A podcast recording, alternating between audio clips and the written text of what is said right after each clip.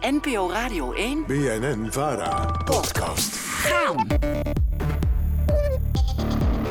Ja, het kan je niet ontgaan zijn. We zitten midden in een woningcrisis in Nederland. Er is een gigantisch woontekort en als je wil kopen is dat lang niet altijd haalbaar. De gemiddelde huizenprijs ligt op dit moment zelfs op 419.000 euro.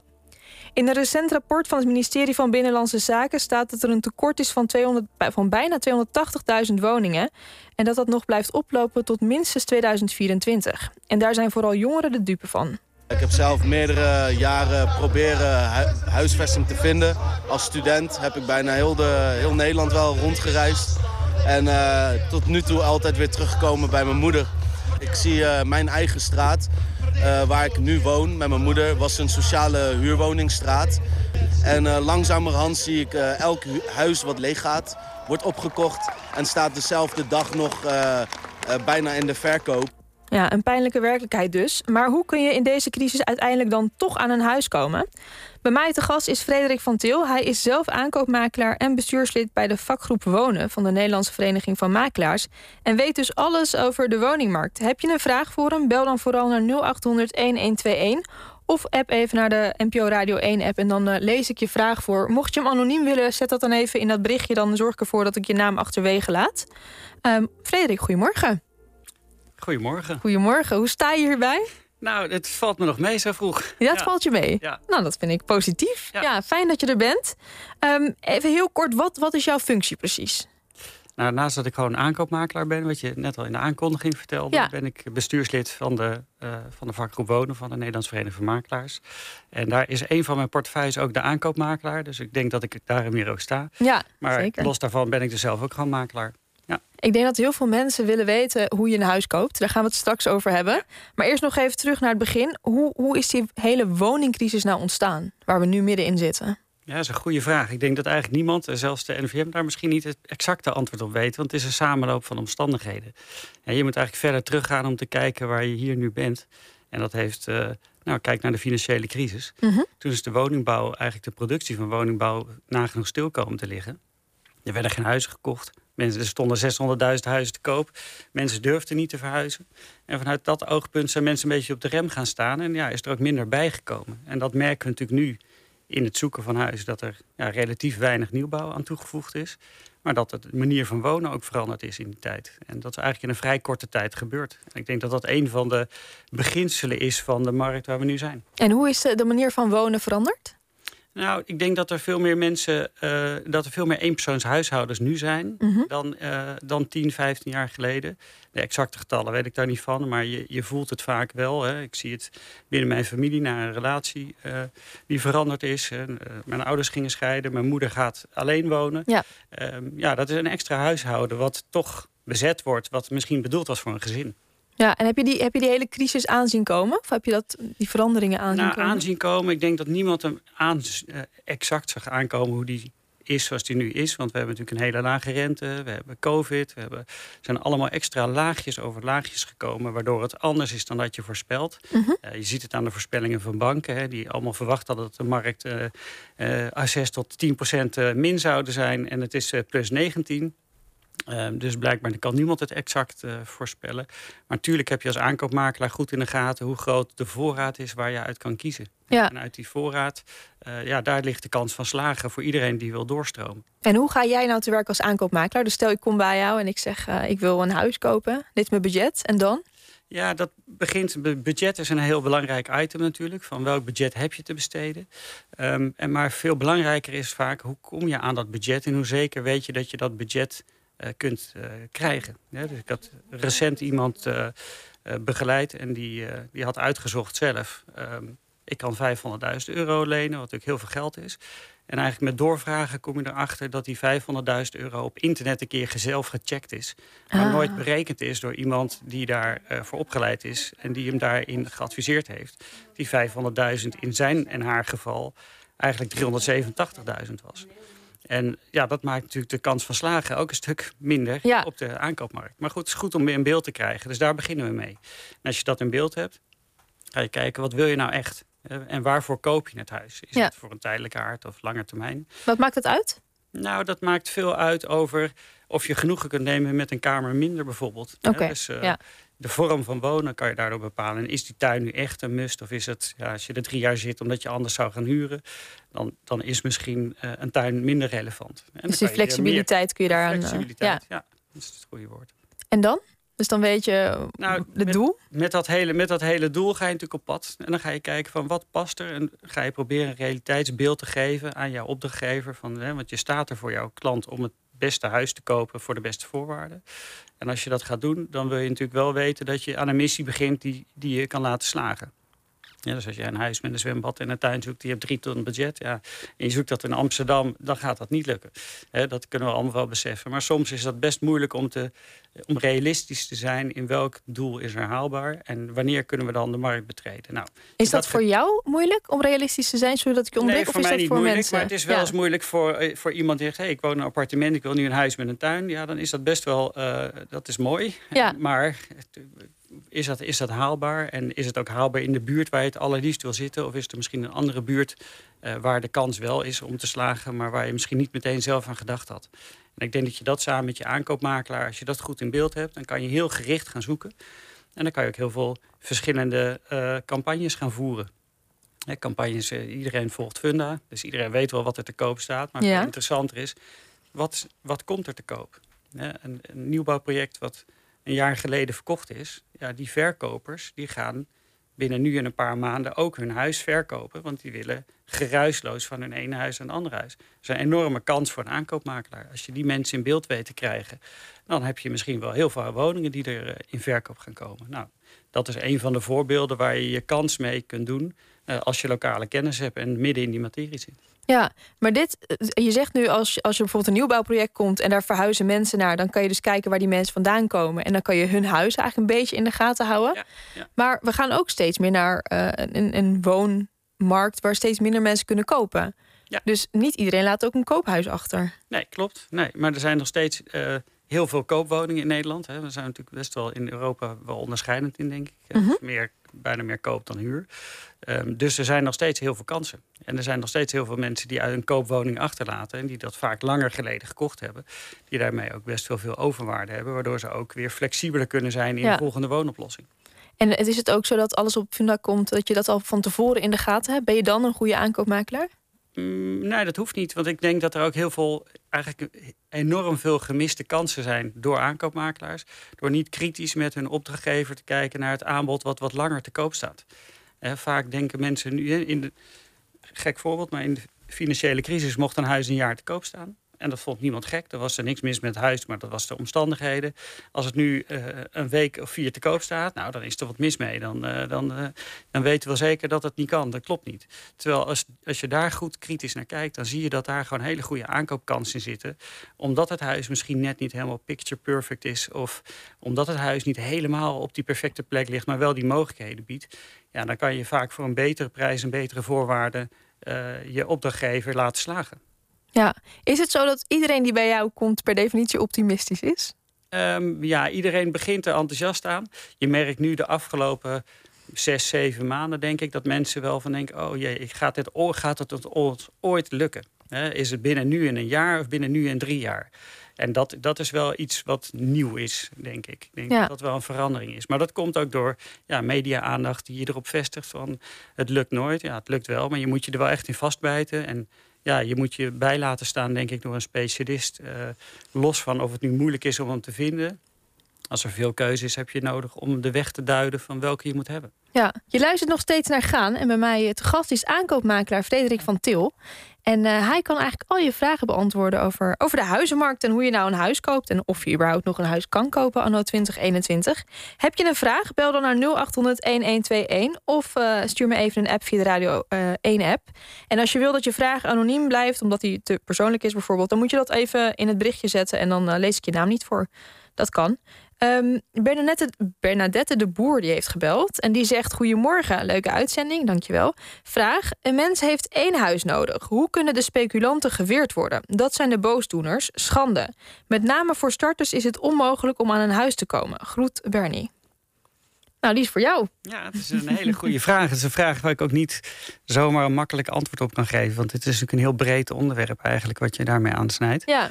Ik denk dat het. Uh, dat je nu al ziet dat de maatregel, bijvoorbeeld dat die overdrachtsbelasting verhoogd is, dat dat al een effect heeft. dat, dat ja, recreatieve speculanten, want dat is het dan eigenlijk een beetje. Dus de, de ouders uh, van school die denken, nou ik heb nog geld over, ik ga een tweede huis kopen als belegging.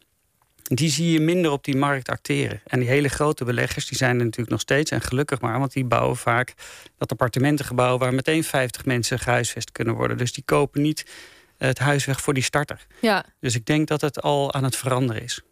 Dus een positieve, positieve Ik denk dat het een positieve kanttekening is. En je ziet ook opdrachtgevers, als je de rol van verkoopmakelaar hebt... want een andere rol is dan een aankoopmakelaar... dan uh, zie je ook dat verkopers ook liever vaak aan... nou ja, een stel wil verkopen... dan dat ze het aan een speculatieve klant willen verkopen. En dat ze daar ook best, bereid voor zijn om voor iets minder te verkopen. Hè, als het een beetje normaal bedrag verschil is. Ja, nou, ik hoop dat je vraag beantwoord is. En anders uh, app vooral nog een keertje. Um, Wouter die zegt... hoeveel invloed heeft de Nederlandse Vereniging van Makelaars... bij de bouw van nieuwe huizen? Nou ja, we hopen natuurlijk heel veel. Hè, dus we mhm. proberen daarvoor te lobbyen dat er, uh, dat er goed wordt gekeken naar de vraag van, en aanbod. En ik denk dat, dat we daar een hele belangrijke rol in hebben als NVM. Om goed te laten zien aan bouwen Nederland, maar ook aan de overheid. Van wat moet je nou bouwen? Ja. Er wordt natuurlijk vaak een weiland volgezet met, met duizenden dezelfde huizen. Maar is dat wel de oplossing voor het probleem? Maar vaak niet. Het helpt een stukje van de doorstroming. Maar ik denk dat we met de data die we met de NVM, eigenlijk met alle leden verzamelen, daar heel veel waardevolle adviezen over kunnen geven. Ja, net toen we uh, muziek aan het luisteren waren, toen jullie muziek aan het luisteren waren, had ik net een gesprek met jou. En toen vertelde jij dat jij heel veel dingen tegenkomt uh, in je baan als aankoopmakelaar. Hè? Kan je daar iets meer vertellen wat jij op dagelijkse basis allemaal tegenkomt voor verhalen? Ja, nou, dat is natuurlijk heel breed. Hè. Dus, wat ik net al zei, van, je hebt hele grote ups en hele grote downs. Hè. Je begeleidt mensen in een, uh, in een vrolijke situatie... die zich willen vestigen in een groter, mooier of leuker huis... of een nieuwe buurt. Of, uh, maar ook hele pijnlijke gevallen, hè, na scheidingen. Waarin je toch wil dat iemand uh, ja, op een goede plek terechtkomt. En waarin de kinderen naar dezelfde school kunnen gaan. En iedereen in de buurt blijft. En uh, ja, dat is eigenlijk heel dankbaar. Als, dat, als die opdracht lukt. Dat is een hele moeilijke opdracht vaak. Omdat het onder financiële druk staat. Ja. En onder tijdsdruk. Maar als dat dan lukt, ja, dat, uh, dat geeft wel energie. Lukt het altijd? Nou, er heeft bij ons nog nooit iemand onder de brug hoeven te slapen. Okay, dus, goed. dus ik denk dat dat wel gelukt is. Het heeft soms meer tijd gekost dan dat je wil. Maar dat heeft soms ook met onze eigen rol te maken. Omdat je gewoon adviseert om iets niet te doen. He, soms is een huuroplossing uh, niet leuk. Maar is dat soms een betere oplossing dan dat je blijft zoeken naar die koopoplossing. En uh, dat kan van tijdelijke aard zijn natuurlijk. Ja. Ik heb een uh, vraag en deze wil anoniem blijven, dus dat kan. Wat is de beste manier om de overwaarde van mijn huis te gebruiken? Hatseflats. Ja, dat zo. Dat is, uh, die komt voor mij even koud binnen natuurlijk. Nou, ik denk, A, is even goed bespreken met een financieel adviseur. Wat Ja. zijn nou de mogelijkheden met die overwaarde? En, en wat zou je ermee willen bereiken? Hè, ehm, wil je daar eh, comfortabeler van leven? Of wil je naar een ander huis of naar een andere omgeving? Ik denk dat je dat goed eerst in beeld moet krijgen... om te bedenken wat je met, met die overwaarde gaat doen. Hè, Ik denk dat heel veel mensen op een stuk verborgen overwaarde zitten op dit moment. Dat ze helemaal geen beeld hebben van ik kan niet verhuizen omdat ik niet weet wat mijn overwaarde waard is. En daar heeft de NVM uh, de laatste open huisdag ook voor gebruikt. Van, joh, laat die makelaar nou eens komen om je vragen gewoon eens te beantwoorden over verhuizen. Van ja, kan dat wel? Ja. Ik had recent een stel voor een aankoopopdracht. Die wonen in een appartement, kunnen niet verhuizen, denken ze. Want alle huizen zijn zes ton die zij leuk vinden. Maar hun appartement was al meer dan vier ton waard. Dus het ging nog maar om een relatief klein verschil.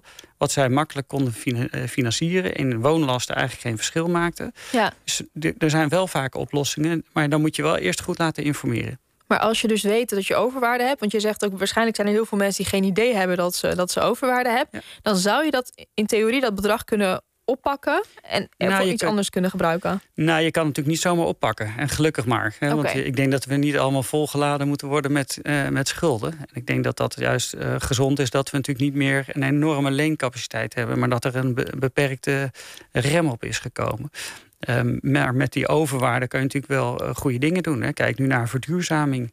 Eh, hè, eh, wat misschien heel interessant is om een stukje van die overwaarde te benutten om eh, zonnepanelen bijvoorbeeld toe te voegen of je huis te- verder te verduurzamen. Te herinvesteren eigenlijk. ja. Want die lasten schieten natuurlijk bij iedereen straks door het dak. Als je nu kijkt wat energie kost, dan is dat iets waar je ook zorgvuldig mee om kan gaan. Misschien wel met een stukje van je overwaarde. Wat de gasprijzen zijn, bedoel jij? eh? Ja. Ja, ja, dat gaan we allemaal nog eens eh, goed voelen.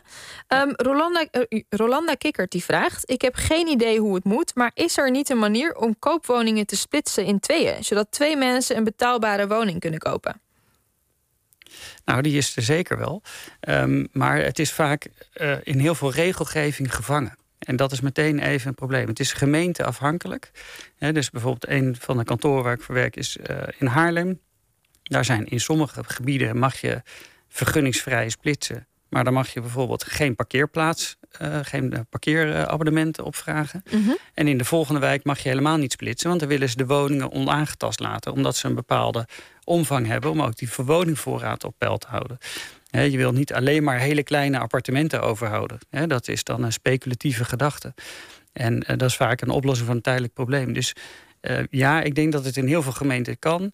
Eh, of het altijd de oplossing is, dat, dat is ja, even goed denken naar de toekomst. Van nu is een klein huis nodig, maar misschien later voor gezinsuitbreiding wel een groter huis.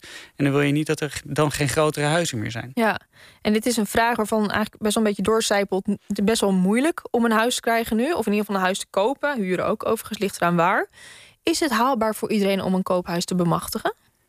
Ehm, nou, dat denk ik niet. Ik denk dat dat steeds kritischer wordt. En dat heeft te maken met, eh, nou ja, je, je noemde het net al, eh, de gemiddelde koopsom in Nederland. Ja, uiteindelijk kom je op een punt, is het nog voor iemand te betalen? Ehm, en dat, dat is natuurlijk bijna een politiek ding. Ik denk dat we dat hier niet in dit uurtje kunnen oplossen. Maar dat je wel ehm, met elkaar kunt kijken, wat is er dan wel mogelijk? En soms zit de mogelijkheid in ja, met minder wensen genoegen nemen, dat het wel kan slagen. En soms is, is huren dus ook een goede oplossing, mits er voorraad is. En je ziet dat daar natuurlijk ook steeds meer eh, kansen komen in, in voor een realistische prijs huren. Dus niet alleen maar die gekke expatprijzen die je in Amsterdam eh, waarschijnlijk wel kent, maar gewoon ook normale, normale huurbedragen. Ja, en je ziet ehm, inderdaad wat jij zegt, kopen wordt lastiger. Ehm, mensen die eh, wat meer te besteden hebben, of misschien niet, die kunnen een aankoopmakelaar in de hand nemen. Mensen die minder te besteden hebben, hebben al, al lastig, kunnen misschien niet eens een huis kopen, maar die kunnen niet eens denken aan een aankoopmakelaar. Vergroot dat niet ook de kloof? Nou, eh, ben ik het niet met je eens.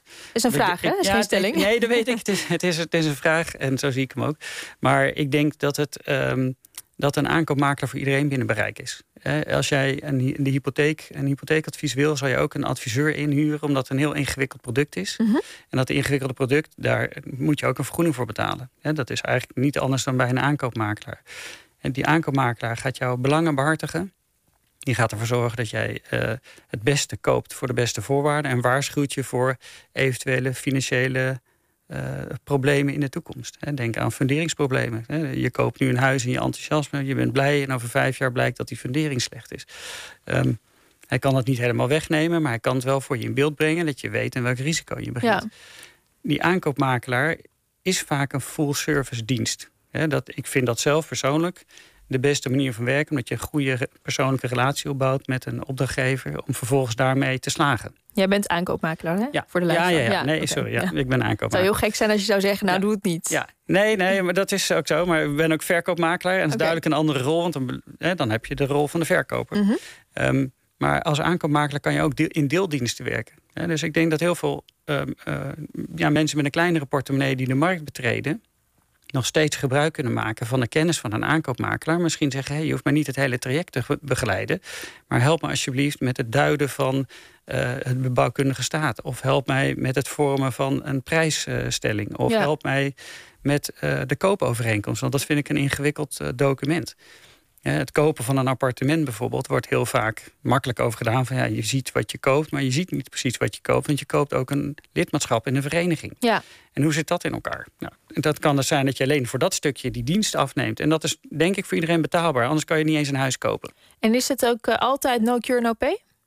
Eh, nee, dat is natuurlijk, we zijn ondernemers, dus dat is per, eh, per ondernemer verschillend. Mhm. Ik denk dat de meeste makelaars die ik ken, of waar ik transacties mee doe, op no cure no pay basis werken. En ik denk dat dat ook ja, zuiver is naar de klant. Ja.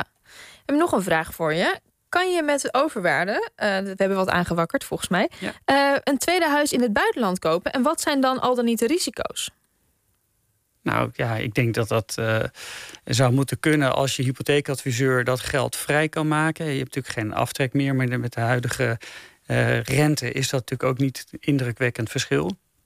Um, het risico is natuurlijk als je in het buitenland aankoopt, zou ik zeer zeker een aankoopmakelaar nemen om de plaatselijke gebruiken en regels uh, te volgen. Mm -hmm. En je ook goed te laten voorlichten over alle bijkomende kosten, want dat, is, dat kan nogal wat zijn in het buitenland. Ik denk dat je goed moet letten op wat hoeveel overwaarde wil je dan benutten? Eh, omdat ja, nu is de markt extreem goed. Maar we kijken naar de financiële crisis. We hadden het er eerder over in, dit gesprek.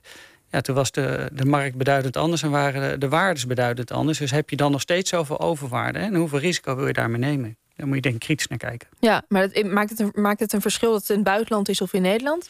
Um, nee, maar ik, ik, denk dat dat aan de, aan de bank ligt waar de hypotheek verstrekt is. Uh, in hoeverre je geld vrij krijgt voor zo'n ja, recreatief uh, gedeelte. En dat, daar heb, ik ben geen hypotheekadviseur, nee. dan zou ik je echt naar een hypotheekadviseur verwijzen. Die is daar deskundige. Duidelijk. Ik hoop dat je vraag uh, beantwoord is. Een andere vraag van Meerte. Ik heb een huis gekocht zonder aankoopmakelaar... en nu blijkt dat de bedrading levensgevaarlijk is aangelegd. aangelegd. Kan ik daar nog iets mee? Nou, ik weet niet hoe lang geleden het is natuurlijk dat je het hebt aangekocht. Maar als dat uh, recent is, dan zou je natuurlijk de verkopende makelaar daarvan op de hoogte kunnen stellen. Dat zou je ongetwijfeld uh, gedaan hebben. Uh, als het goed is, heeft de verkoper een vragenlijst ingevuld en heeft hij daarop vermeld wat hij van het huis weet. Mm -hmm. En als hij nou daar zegt dat er nee, geen problemen zijn of dat het helemaal vervangen is, nou dan zou je je daarover kunnen zou je daarop terug kunnen grijpen van hé, hey, ik heb een huis gekocht en dat moet deugdelijk zijn en dat moet ja, het moet een veilige situatie zijn. en dat het misschien niet helemaal perfect is, nou dat kan, maar dat blijkt dan later wel. Ja, Mark van Holten die vraagt, is ook een goede vraag. Is het überhaupt nog mogelijk om een huis te kopen zonder eigen geld?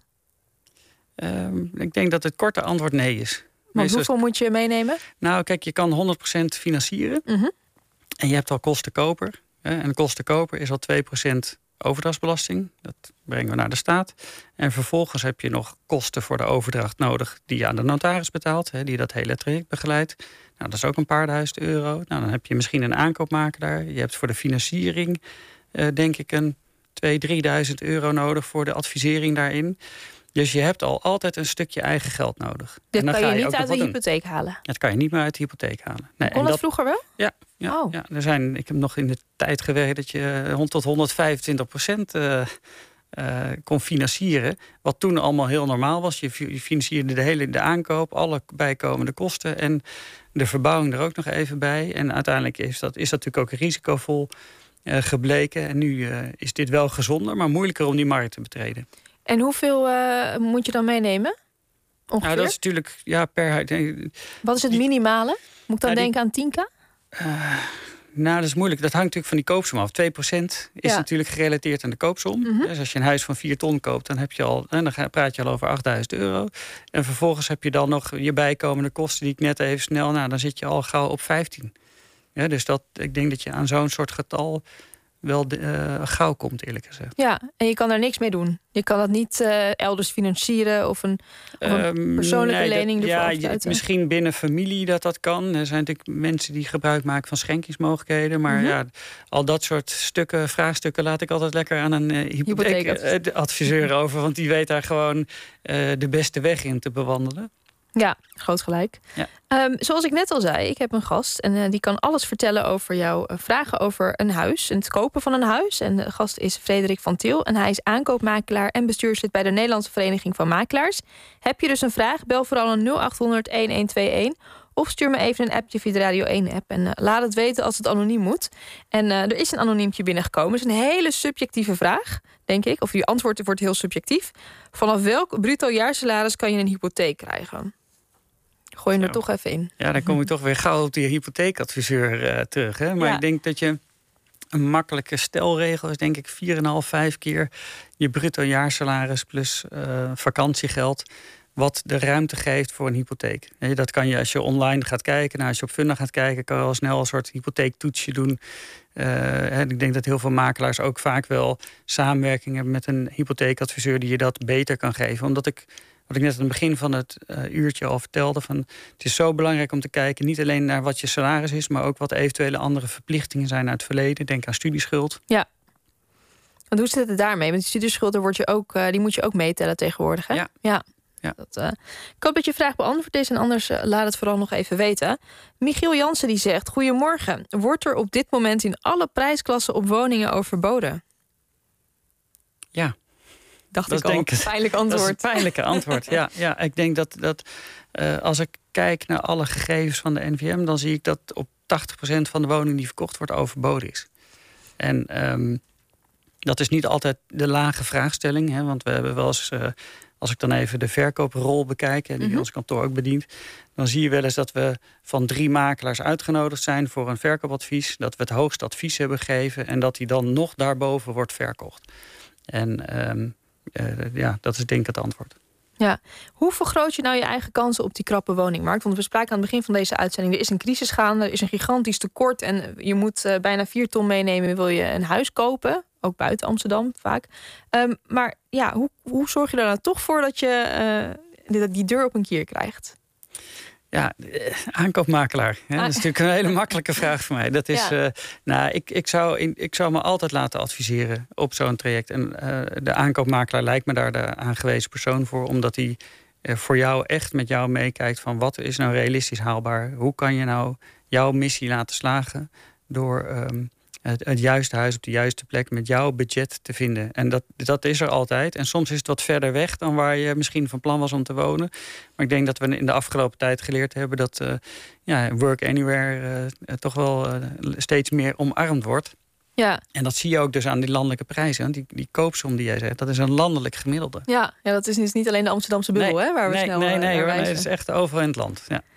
Jij hebt, uh, je krijgt waarschijnlijk veel klanten die ook hun verwachtingen moeten bijschalen. Die denken dat ze meer kunnen kopen, zoals je aan het begin zei, en dan toch minder kunnen krijgen. Dus dat betekent ook misschien geen tuintje, misschien geen balkon of misschien geen buiten. Hoe ga je daarmee om? Hoe zorg je ervoor dat iemand toch blij wordt met zijn aankoop straks en minder krijgt dan hij dacht? Ja, dat is natuurlijk allemaal psychologie. Dus, dus iedere makelaar moet eigenlijk een, een cursus psychologie uh, doen. Maar heb ik denk, je die gedaan? Dat heb ik niet gedaan, okay. maar ik, ik, ik heb uh, uh, denk ik door de jaren heen genoeg ervaring opgebouwd om daarmee om te gaan. Um, dat heeft natuurlijk te maken met een teleurstelling. Maar vaak als het traject wat langer duurt, dan, dan ben je ook langzaam bereid om bepaalde wensen los te laten. En ik denk dat wij er wel voor zijn om scherp te blijven op je minimale eisen die belangrijk waren. Van waarom wilde je ook weer verhuizen? -hmm. Dat was die extra kamer. Ja, dan moet je dat nooit loslaten. Maar misschien dat, uh, dat je kon kruipen naar de kroeg... moet je misschien wel losmaken, uh, loslaten en zeggen... oké, dat schoolplein is misschien eigenlijk wel handiger. Dus zo uh, denk ik dat we daarbij kunnen helpen. Maar is het dan ook wel dat, dat jij dan adviseert van... hé, hey, je moet dat ene loslaten, want dan kun je dit krijgen? Ja, ja. Of is het gewoon van, nee, als je dit wil, dan krijg je dit niet? Nou, je, je wil de keuzes geven die er dan wel zijn. Mm -hmm. En ook laten zien waarom die wel interessant zijn. En soms ook proberen mee te nemen naar de toekomst. Kijk, in Amsterdam, je gaf het zelf net als voorbeeld... maar Amsterdam heeft natuurlijk buurten gehad... waar je vijf jaar geleden dacht... Mwah, Dat zie ik mezelf niet meteen wonen. En wat nu helemaal hip en happening is. En dat heeft ook met verandering te maken van eh, dynamiek eh, van, van zo'n wijk. Mhm. Mm -hmm. En die kan je soms al best een beetje voelen aankomen. En ik denk dat een goede aankoopmakelaar is vaak een buurtspecialist, zit vaak in een bepaald postcodegebied, weet goed wat er speelt en wat er komt en verandert. Ja, die kan je misschien ook wel meenemen om dat te laten zien. Hoe weet je dat een buurt uh, in uh, een positieve ontwikkeling doormaakt? Nou, ik heb dat in Haarlem bijvoorbeeld gezien. Hè, de, de funderingsproblemen, het zijn risico's in sommige gebieden. Nou, in Haarlem is dat in sommige wijken ook zo. Daar is een heel stuk door de gemeente eigenlijk aangepakt met de funderingen. En wat je daarna zag, is dat, die, dat iedereen dacht... hé, hey, ik ga dat huis wat aan het verzakken was, ga ik opknappen. En als ik dat ga opknappen, dan wordt die straat leuker. En als die straat leuker wordt, wordt die buurt leuker. En dat ging als een olievlek. En dat is in een aantal jaren best wel snel gegaan. En dat was een plek waar eerst dacht, nou, daar ga ik niet wonen. En nu zeg je, dit ligt supergoed. Want ik ben dichter bij de snelweg, ik fiets naar de stad. Een topplek. Maar dit moet je weten, funderingen. Moet je weten, Ja. maar dat is, ja, dat, ja, daarom is het ons vak, denk ik. Omdat Ja. we daar, daar zijn we de hele dag mee bezig. Om te kijken naar dat soort kansen. Maar ook wat doet de overheid en wat doet de gemeente. En wanneer is zo'n ontwikkeling positief? Hè? Dus dat je dan adviseert aan je klant van, nou ja, de, de funderingen worden gelegd, hartstikke goed. Maar het kan ook zo zijn, wat je ook weer in Amsterdam vaak ziet, is dat er eh, gentrificatie plaatsvindt. Hè? Dat het net enorm verjupt. Dat sommige mensen ook de eigenheid van de buurt zien vergaan. Ja. Waar ligt die scheidslijn? Ja, dat is natuurlijk moeilijk, want dat hou je niet helemaal tegen. Zeker, uh, uh, je ziet waar de uh, ja, overheid nog wel eens een keer een fout maakt... dat ze bijvoorbeeld die mogelijkheid geven om dus alles maar te splitsen. Ja. Dat dus de woningvoorraad in zo'n buurt helemaal verandert. En daarmee dus inderdaad een, een bepaalde doelgroep juist wel komt... of helemaal niet meer komt. ik denk dat dat op overheidsniveau geregeld moet zijn. Maar kun je dat, kun je dat zien, zeg maar? Als, Ja, je, je kan het wel een beetje zien. Je hebt ook uh, buurten waar je bijvoorbeeld heel makkelijk kan opbouwen. Nou, in Amsterdam gaan ze vaak uh, de grond in. Hè, dus dan pakken ze het souterrain erbij. Kelderbakje eronder. Ja, ja, ja, en dan denken ze, we pakken nog een paar meter aan de achterkant bij. En dat geeft natuurlijk een heel ander product. En als je dat in een hele straat herhaalt, krijg je natuurlijk een heel ander type buurt. En dat, ja, dat is denk ik in de overheid uh, die daarmee aan de slag kan. Je luistert nog steeds naar Gaan. En nog steeds is aankoopmakelaar Frederik van Til hier bij mij te gast. En hij kan al je vragen beantwoorden over de huizenmarkt. Over of je een huis kan kopen, hoe je een huis moet kopen. Um, als je een vraag hebt, stel hem dan via 0800 1121. Of stuur me even een appje. Moet het anoniem? Laat het even weten. Want dan uh, zorg ik dat ik je naam niet noem. Dan moet je er wel echt bij zetten dat het uh, anoniem moet. Um, Robert, jij hebt een vraag. Goedemorgen. Goedemorgen. Ik heb een vraag. Um, ik was heel benieuwd wat uh, meneer ervan uh, denkt van de toekomst van de, van de huizenmarkt. En of dat de goede kant nog op gaat. Of dat het, uh, of dat het straks de huizenmarkt helemaal in gaat zakken door de hoge prijzen en dergelijke. Nog meer inzakken, kan dat? Ja, en bedoel je dan met nog meer inzakken in de toekomst dat de prijzen gaan zakken? Of is dat niet wat je daarmee zegt? Nou ja, dat veel mensen straks natuurlijk door de hoge leningen en dergelijke in de problemen komen. En dat daardoor misschien de huismarkt uh, inzakt. Of, of, of, ja, hoe de toekomst uit gaat zien voor de, voor de, voor de makelaar of voor de, uh, voor de huizenkopers. Ja, Robert, volgens mij is jouw vraag: hoe ziet de, hoe ziet de toekomst van de huizenmarkt eruit volgens uh, Frederik? Hè? Klopt dat? Ja, ja, klopt. Ja. Nou ja, ik, wat mij betreft hoopvol. Ik denk dat we bezig zijn met z'n allen met een, wel met een positieve verandering. Hè? Dat we kritischer zijn op waar en hoe we willen wonen. Ik denk dat we dat het afgelopen jaar, anderhalf jaar wel geleerd hebben. Hè? Dus je ziet nog, ja, sinds kort zie je eigenlijk heel veel mensen over het hele land uitstromen. Waarmee we dus uh, op meer gebieden willen wonen. Dus we concentreren ons niet alleen maar, wat net al een keer gezegd werd, Amsterdam bijvoorbeeld. Maar we willen op veel meer plekken wonen. En ik denk dat dat kansen biedt. Dat die prijzen uh, hoog zijn. Ja, ik denk dat dat de komende tijd nog wel zo blijft, helaas. Dus, dus het moment van instappen, uh, ja, dat blijft denk ik uh, niet onveranderd een beetje lastig. Maar ik zie daar nog steeds heel veel kansen in. Omdat er gewoon wel meer gebouwd wordt. Hè? Dus er komt meer woningvoorraad bij. Dus er komt weer iets meer keus. En dat levert ook doorstroming op. Ja, oké. Okay. Is je vraag nou, beantwoord? Ja hoor, ja, die is helemaal beantwoord. Top, dank voor je bijdrage. Um, ja, nou dank voor, voor de vraag. Ik heb nog een vraag voor je en die is van Henny. En die zegt, wat kost een aankoopmakelaar? Heb je net al even gezegd. Ja, het, dat is natuurlijk aankoopmakelaar afhankelijk. Mm -hmm. Een beetje gebiedsafhankelijk ook. Um, maar ik denk dat er, als je naar landelijk kijkt... wat er gemiddeld betaald wordt... zal het tussen de 3.000, 4.000 euro zijn. Wat je aan zo'n stuk advies kwijt bent. Een beetje vergelijkbaar met een hypotheekadvies. Ik denk dat het een beetje in diezelfde orde van grootte ligt. En is dat dan alleen het advies? Of, of fix jij dan ook meteen alles voor de persoon in kwestie? Nee, dat, uh, dan doe je het hele traject. En okay. het hele traject is echt uitgebreid. Hè? Dus dat is, dat is niet... Uh, even een uurtje kletsen en dan uh, twee keer kijken. Nee, dat is echt uh, van die inventarisatie tot en met het vinden van het huis, het, meegaan naar het huis, onderhandelen, het controleren van alle contracten en documenten, tot en met de oplevering bij de notaris. Het is echt een lang, een lang en intensief traject. Dat maakt het ook een heel leuk vak daardoor, omdat je gewoon een hele persoonlijke relatie krijgt met je opdrachtgever. Ja, en nog een leuke vraag, die is van Wil. Hoe staat de makelaar tegenover belangenverstrengeling? Dus het feit dat een aankoopmakelaar tegelijkertijd ook verkoophuizen in zijn portefeuille heeft.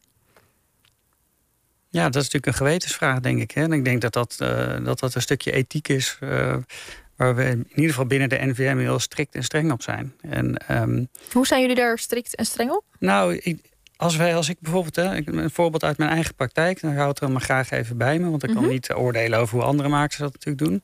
Maar als ik een aankoopopdracht heb uh, van iemand die een huis wil zien wat wij zelf in de verkoop hebben. He, dus we hebben de rol van verkoopmakelaar en van aankoopmakelaar. Dan zeg ik al bij de intake van dat aankooptraject, als dat zo is, dan kan ik jou op dat moment niet bijstaan. Want ik heb de rol van de verkoper. En ja. die belangen ben ik aan het behartigen. En dan verwijs ik iemand naar een andere aankoopmakelaar. Dus dan zeg ik, joh, in, als je in de bomenbuurt in Haarlem zoekt... dan moet je die of die makelaar hebben. Want die weet daar heel veel van. Dus die zou je dan op dat aankooptraject kunnen begeleiden. Ik denk dat dat de meest zuivere vorm is waarmee je dan een advies geeft. En dat is wie het eerst komt, wie, wie het eerst een plekje bij jou bemachtigt? Dus als, de ver, Ehm. dus als, jij, als ik eerder bij jou kom om mijn huis te laten verkopen, dan ben je, ben je dus verkoper. En dan ga je niet ineens switchen van rol. Nee, ik heb, je switcht nooit van rol, denk ik. Ik denk dat dat eh, de, de basis is. Hè. Dus je bent... Kijk, wij hebben echt aankoopteams die alleen maar met aankoop bezig zijn. Dus die, die zijn niet eens betrokken bij zo'n verkooptransactie. Maar als je binnen je kantoor een aankoop- en een verkoopopdracht hebt over hetzelfde object... Ja? Dat is natuurlijk lastig. En dan hebben we altijd gezegd... de verkoopopdracht is dan degene waarvoor wij optreden. En daar communiceren we heel helder over. Ook naar de aankoopklant. Van joh, wij kunnen jou nu niet adviseren. Je moet dit traject of zelf doen... of je laat je bijstaan door een andere aankoopmakelaar... eh, van een ander kantoor. Duidelijk. Ik hoop dat je vraag beantwoord is. Ehm, jij zei net heel duidelijk, om een huis te bemachtigen... moet je op zijn minst, of tenminste, het wordt aangeraden... om een aankoopmakelaar in de hand te nemen. Ehm, heeft het dan eigenlijk nog wel zin om op Fonda te reageren? Tuurlijk. Ja? Tuurlijk, ja. Kijk, ik denk dat, eh, dat aankoopmakelaar is natuurlijk... eh, ja, ik denk alleen maar als aankoopmakelaar. Dat is een beetje lastig voor mij. Maar er is 70% van de transacties in Nederland... wordt zonder aankoopmakelaar gedaan. En die mensen hebben gewoon gereageerd op Funda... of op de website van de makelaar... of op hun Facebookpagina... of waar ze het huis ook maar hebben gezien. Misschien wel gewoon ouderwets in de etalage. Gebeurt ook nog steeds. We weten ook dat als je reageert op Fonda... dat je meer, meer dan eh, het- heel vaak te laat bent.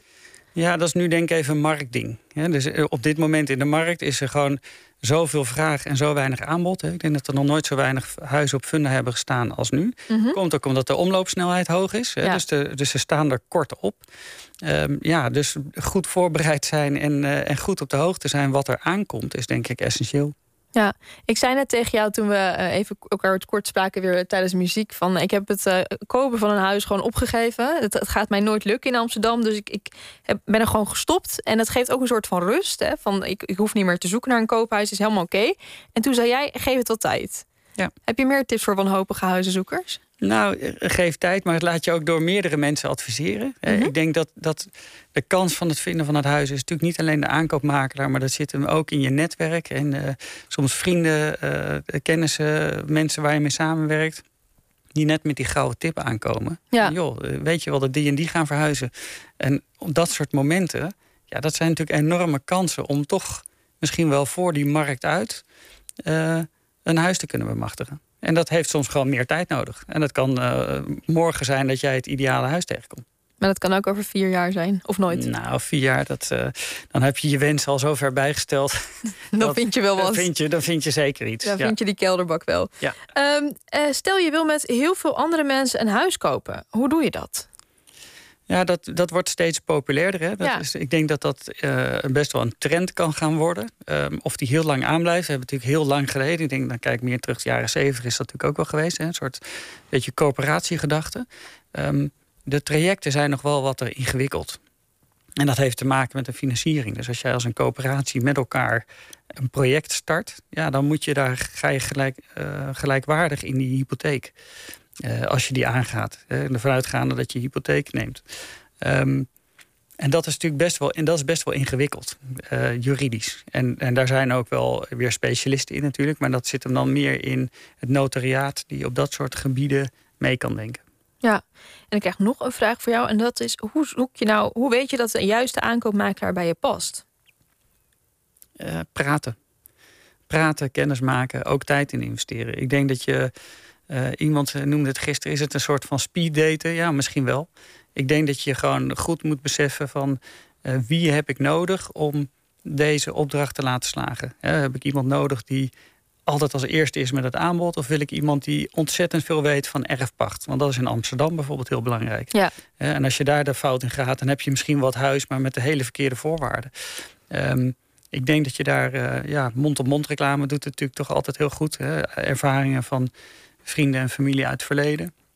Eh, maar ik denk dat je de reviews op Funda en eh, eigen websites ook best wel eens een keer goed, de tijd moet geven en door moet lezen. En er zal altijd een keer een slechte tussen zitten, ook bij mijn kantoor. En dan eh, dat dat een handvat is. En kan het ook zo zijn dat iemand bij jou op gesprek gaat en die denkt, nou, het klinkt toch niet, ik ga door? Eh, voor mij bedoel je? Dus ja, als- of gewoon bij aankoopmakelaars in zijn algemeen? Ja, ik denk dat je dat al merkt in het gesprek. Van dat Ja, je dan zegt van joh, Ja. jouw vraag of jouw, jouw vraagstuk kunnen wij niet in bedienen. En we hebben ook wel eens, eh, en dat is natuurlijk wel iets even van deze tijd, dat je soms te veel opdrachten hebt in eenzelfde eh, prijssegment. Ja. En dat je gewoon zegt, joh, wij kunnen jou niet assisteren. Want ja, we, we, we kunnen niet met tien mensen op hetzelfde huis gaan kijken natuurlijk. Nee, dat klopt. Maar dan dus- ligt de verantwoordelijkheid bij jou. Ja. Dus dan zeg jij gewoon duidelijk: ik kan dit even nu niet aan. Maar kan het ook zo zijn dat ik op zoek ga naar een aankoopmakelaar? Ik kom bij jou, ik drink een kop koffie en ik denk, nou, hartstikke leuke man, maar we klikken niet. Nou, dan ga je niet met elkaar in zee. Dan ga je Ja. door. Ja, dat gebeurt ook. Ja, tuurlijk. Ja, Ja. ja. Ik denk dat je daar kritisch, omdat het zo'n persoonlijk traject is, moet je absoluut een klik hebben met degene die jou daarin adviseert. En eh, of dat nou over de hypotheek is waar we eerder over spraken, of over het kopen van een huis. Mhm. Ja, dat zijn hele persoonlijke eh, stukken die je echt met elkaar moet klaren. Ik kan die klus niet in mijn eentje. Dat kan alleen met goede feedback en goede communicatie eh, op een prettige manier met je opdrachtgever. En dan kan je samen de klus volbrengen. Ik vind het, ik krijg nu een hele leuke vraag van. Hij noemt zichzelf Koning Toomba. Geen idee hoe die echt heet. En die wil anoniem blijven waarschijnlijk. En die vraagt: als makelaar, doe je dan ook wel eens aan kopen zonder kijken? Nou, ik heb het nog nooit eh, meegemaakt. Maar de, eh, eh, wij hebben wel opdrachtgevers. En, maar dat is dan niet zozeer als aankooprol. Nou, dat is eigenlijk niet helemaal waar. Trouwens. We hebben wel een keer iemand begeleid die in het buitenland zat. Die nog Mhm. niet mocht reizen. Die vanuit Singapore hier naartoe wilde komen. maar hier wel een huis nodig had. Uiteindelijk hebben we na meerdere Facebook-rondjes en filmen en noem het allemaal op, je kent het wel. Hebben we gekozen om ze te adviseren: ga maar eerst huren. Oké. En waarom? Ze kennen de omgeving gewoon niet goed genoeg. Dus het huis kan natuurlijk prachtig zijn. Maar als je nooit een beeld hebt kunnen vormen van de wijk waar je gaat wonen, ja, dan, dan is ons beste advies op dat moment, ja, dan moet je niet kopen. Dat kan ook een advies zijn. Ja. ja. En wanneer stop je met zoeken? Als een wens, als iemand bij je komt? Eh, nou, als we geslaagd zijn. Altijd? Ja, ik denk dat ik nooit iemand heb gehad die, eh, die niet geslaagd is uiteindelijk. Dat klinkt optimistisch. Maar Maar- kan, ik zeg niet dat ze altijd gekocht hebben. Hè? Ze hebben Ah. misschien soms wel gehuurd. Ze gaan gewoon tevreden de deur uit. Nou, ik denk, ja, en dat is, als je dan kijkt, als aankoopmakelaar heb, heb je dan je verdiensten niet natuurlijk, want je hebt geen aankoop tot stand gebracht. Maar hopelijk heb je wel de relatie zo goed opgebouwd dat op het moment dat ze wel willen gaan kopen of wel een andere perspectief krijgen op de woningmarkt, dat je ze dan alsnog eh, kunt bijstaan. Ik krijg een eh, vraag van iemand die anoniem wil blijven. Leuk vraag. Ik zie vaak voorbij komen dat de bezichtigingen van huizen al na een half uur vol zitten. Kan ik dan alsnog een bod uitbrengen? Om maar even terug te komen op kopen zonder kijken. Nou ja, je- het bod zou je natuurlijk uit kunnen brengen. Maar ik denk dat een verkopend makelaar zegt: Ik wil dat je het gezien hebt. Want een, een bod uitbrengen eh, zonder dat je het gezien hebt, is eigenlijk niet te doen. Want je, je hebt het huis niet gezien, je hebt de kwaliteit niet kunnen beoordelen, je hebt het op heel veel punten eh, niet kunnen inspecteren. Waardoor het bod, bod ook relatief weinig waarde heeft. Want ja, je hebt drie dagen bedenktijd, hè, dat is wettelijk geregeld. Dus je kan er altijd vanaf. En is dat ook eh, die drie dagen ook als je zegt met eh, zonder voorbehoud? Ja, dus je hebt altijd, drie dagen. Je hebt altijd drie dagen bedenktijd. En die gaat in na het ondertekenen.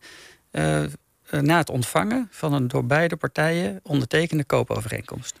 En dit klinkt ook als een manier, ik denk maar even in mogelijkheden, om een voet tussen de deur, te krijgen. Als je niet bij een bezichtiging kan zijn en je doet wel een fantastisch bod, dat die verkopende makelaar dan zegt: Nou, kom toch maar even kijken. Nou ja, dat zou kunnen. Ja, dat, dat, dat zou kunnen. Ik heb zelf die ervaring niet, maar ik denk, ik denk dat dat zou kunnen. Ik weet ook niet of de maker er wat mee doet, behalve dat hij het moet doorgeven aan zijn opdrachtgever. Ja, dus als jij een bieding, welke bieding dan ook, of die nou heel hoog of heel laag is, eh, geven wij die altijd door aan onze opdrachtgever, zodat hij goed geïnformeerd is. Ja, het kan een manier zijn. Ik, eh, ik noem Ja. maar even wat. Herman die vraagt: Zie je nu ook dat stellen sneller samen willen gaan wonen vanwege de hoge gasprijzen? Dan hoeven ze maar één gasrekening te betalen in plaats van twee. Nou, dit is zo'n actueel onderwerp. Die ervaring heb ik nog niet. Maar ik denk wel dat je voorspelling eh, kan kloppen. Dat het eh, mensen sneller doet beslissen om de stappen te ondernemen. En, en de gasprijs, ja, het is natuurlijk nu iets heel actueels. Ik hoop dat die straks een beetje gaat zakken. Want ik kreeg een nieuw maandtarief. Daar schrok ik ook van. Denk, oh ja, nou heb ik al gelukkig veel aan verduurzaming gedaan. Maar ik ga het toch een beetje versnellen. Dus dat was misschien wel de actie ervan. Schrok je ervan toen je dat zag, je termijnbedrag? Nou ja, als, als een prijs verdubbelt. Ja, ik weet het niet. In heel veel gevallen word je daar toch niet vrolijk van. Misschien is dat gewoon de aard van het beestje. Dat je denkt, je wil altijd proberen zo scherp mogelijk in te kopen. En of het nou een huis is of gas, dat... eh, Ik denk dat niemand blij wordt van die gasprijzen, toch? Nee. Ehm, ik heb nog een vraag voor jou. Even kijken. Ehm, ja, dat is ook een leuke vraag. Jan die vraagt: krijgt de aankoopmakelaar ook een vergoeding na aankoop van de verkopende makelaar? Nee. Niet. Nee. Jullie doen ook niet. En hoe zit dat dan Nee, onderling is in het eigenlijk? buitenland wel zo. Hè? In het buitenland uh, ga in, in zuidelijke landen kijken. Dan zie je dat de, de verkopend makelaar krijgt 5%.